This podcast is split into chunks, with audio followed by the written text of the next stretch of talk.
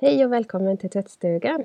Jag heter Evelina Albin och det här är en podd om familjeliv och vardag med Jesus. I ett av avsnitten om vardagstro så landade jag i att äktheten, som är en grundläggande aspekt, ganska obarmhärtigt tar pulsen på mitt eget lärjungaskap. Jag kanske känner att jag har stagnerat eller svalnat i min tro, att mitt andaktsliv inte är vad jag önskar eller att min själs trädgård har invaderats av tistlar som kväver det som jag egentligen vill odla. I det här avsnittet brottas jag med mina motsägelsefulla känslor och tankesätt kring mitt personliga andaktsliv. Jag vet inte om jag landar i något, men jag försöker i alla fall hitta några hållbara förhållningssätt. Så välkommen med på den resan!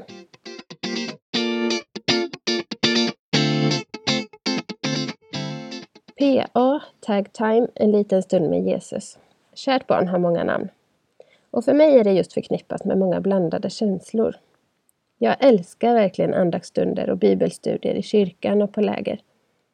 Men på hemmaplan kan det mer liknas vid en känslomässig berg och dalbana där längtan, strävan, misslyckande, frustration, dåligt samvete, likgiltighet och sen inspiration och nya tag avlöser varandra i en inte helt positiv spiral. Jag går nästan runt med känslan av att snart kommer någon upptäcka att jag är en bluff. Hittills i mitt liv är det nämligen bara i princip under tonårstiden som jag har haft någon slags regelbundenhet i mitt andaktsliv under en längre tid. Då hade jag en andaktsbok som heter Minutbibeln som jag läste i sängen varje kväll när jag skulle gå och lägga mig. Och så skrev jag typ som en dagbok till Gud efteråt. Men i livet som gift så föll sig den rutinen inte helt naturligt. För stunden innan man ska somna timringar man ju inte riktigt längre själv på samma sätt. Och jag hittade ingen ny rutin som passade bättre. Vanan försvann och i livet som småbarnsförälder nu så är ju stunderna som man har helt för sig själv inte direkt fler. Och kanske är det nu i småbarnsåren som behovet av personlig andakt är som störst. När man sällan kan delta i gudstjänsten helt odelat.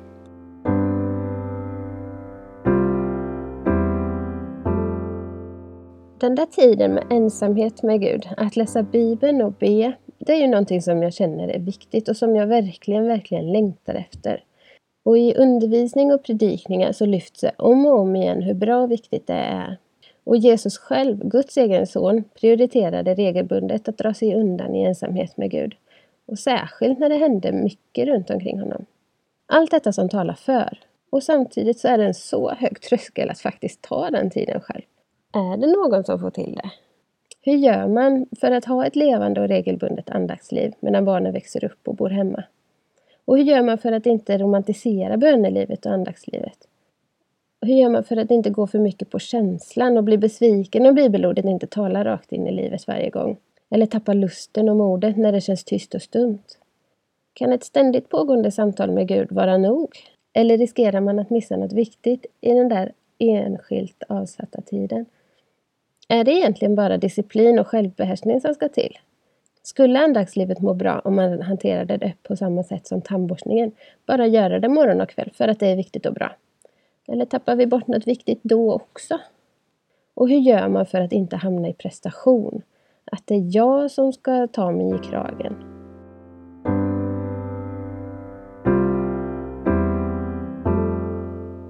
Ja, jag skulle vilja samla goda exempel tips och tricks på hur och när man kan göra, tips på bra andaktsböcker och framförallt vettiga förhållningssätt till allt. Här är en liten början. På Instagram följer jag en tjej som heter Hanna Kaidert. Och för ett tag sedan så la hon upp en bild där hon hade skrivit på en tavla att Bibeln är inte en prestation vi gör utan en gåva vi tar emot. Och det tyckte jag var väldigt fint och bra. Sen hade hon skrivit väldigt klokt i texten under bilden också. Och där kan du gå in och läsa själv om du har Instagram.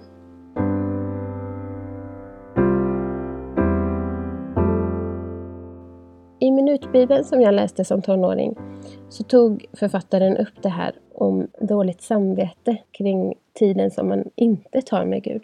Och han skrev så här, Knut Tveisered heter han. Var glad för de gånger du faktiskt tar tid istället för att ha dåligt samvete för de gånger du inte gör det.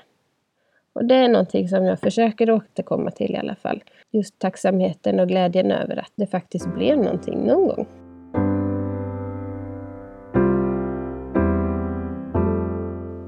Här under våren 2021 så var jag med på en av Jesus till barnens digitala mötesplatser och i ett gruppsamtal med några andra föräldrar så var det en trött mamma och pappa som sa att det enda vi orkar med just nu är att be för maten. Och det var med modlöshet de sa det, för de egentligen önskade mer än så. Men jag blev tokigt inspirerad och uppmuntrad av det. För tänk att vi kan få låta rutinerna med familjen få bära vår tro i perioder. Vid måltiderna får vi be och tacka Gud för maten. Och vid nattning kan vi be de skrivna bönerna, Gud som haver eller Fader vår. Och vi får läsa barnbiblar och vi kan sjunga salmer och lovsånger som godnattvisor. Just kring det här så tänker jag mig ofta själv som servitör som transporterar maten från köket till gästen eller kunden. Att jag läser en bok om Gud för mina barn, till mina barn. Och jag har lätt att tänka att vi gör alla de där rutinmässiga grejerna för barnens skull. Men det händer att jag blir överrumplad av att barnböcker talar till mig som vuxen. Jag har blivit berörd av bilder eller formuleringar och nya perspektiv har gett mig saker att tugga på över tid och fundera på, på ett sätt som jag inte var beredd på. För jag glömmer ofta bort att jag faktiskt får sätta mig i Guds stora famn tillsammans med mina barn och upptäcka och uppleva och möta honom samtidigt som dem. Och de där rutinmässiga bitarna kan få bli en rytm, lite som tidebön, där vi vuxna får möjlighet att vända vårt hjärtas blick till Gud några gånger varje dag och på så vis hålla oss tätt intill honom.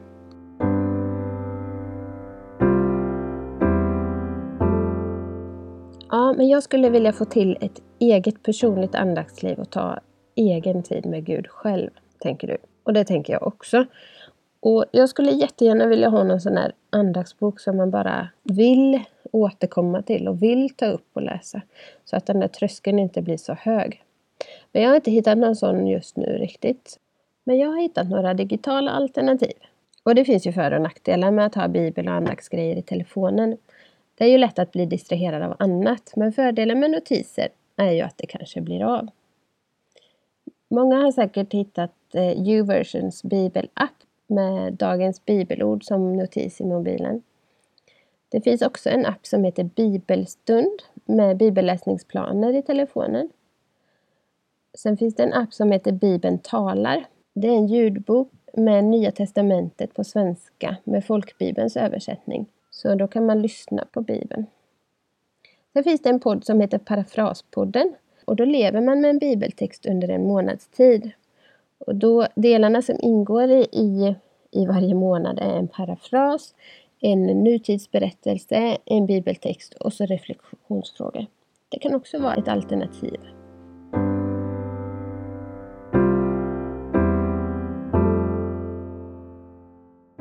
I boken Vad alla föräldrar borde få veta så skriver författarna att vi kan skapa luft i systemet.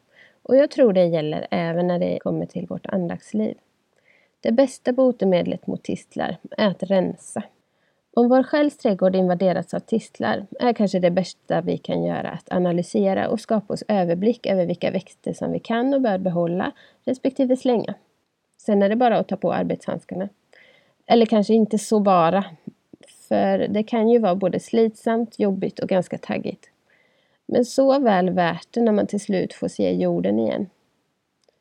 Och när man får ge växterna man behållit näring och får se dem växa till sig och ge frukt.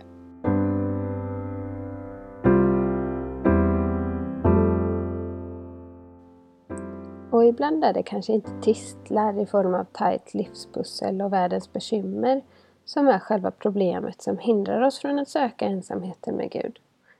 Kanske är det ibland själva vår gudsbild. Om vi tänker oss att Gud är arg eller besviken på oss för alla gånger vi gjort fel eller alla gånger som vi missat, glömt eller prioriterat bort en stund med honom så är det ju egentligen ganska naturligt att vi skjuter på det mötet ännu mer. Om vi tänker att han kommer förebrå oss för allt. Men när Jesus berättar om Gud liknar han honom med en god herde som känner sina får och som vill föra dem till grönt gräs och friskt vatten. En herde som letar upp får som villat bort sig och bär dem hem igen. Jesus liknar också Gud med en pappa som varje dag står och väntar på att sonen, som först önskat sin pappas död och sedan slösat bort halva pappans förmögenhet på gambling och sexköp, att han kanske, kanske förhoppningsvis ska komma hem igen. Och när han en dag ser sonen komma gående långt borta så springer han emot honom och kramar om honom och ställer till med en stor fest. Det verkar som att Jesus verkligen vill poängtera att Gud inte är långsint utan att hans kärlek överrestar alla våra kränkningar och tillkortakommanden. I den famnen vill jag gärna krypa upp.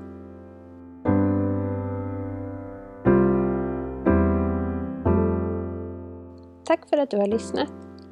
Om du har tankar, frågor eller synpunkter så är du jättevälkommen att höra av dig till tvattstugan.livet.gmail.com eller Instagram, tvattstugan.livet.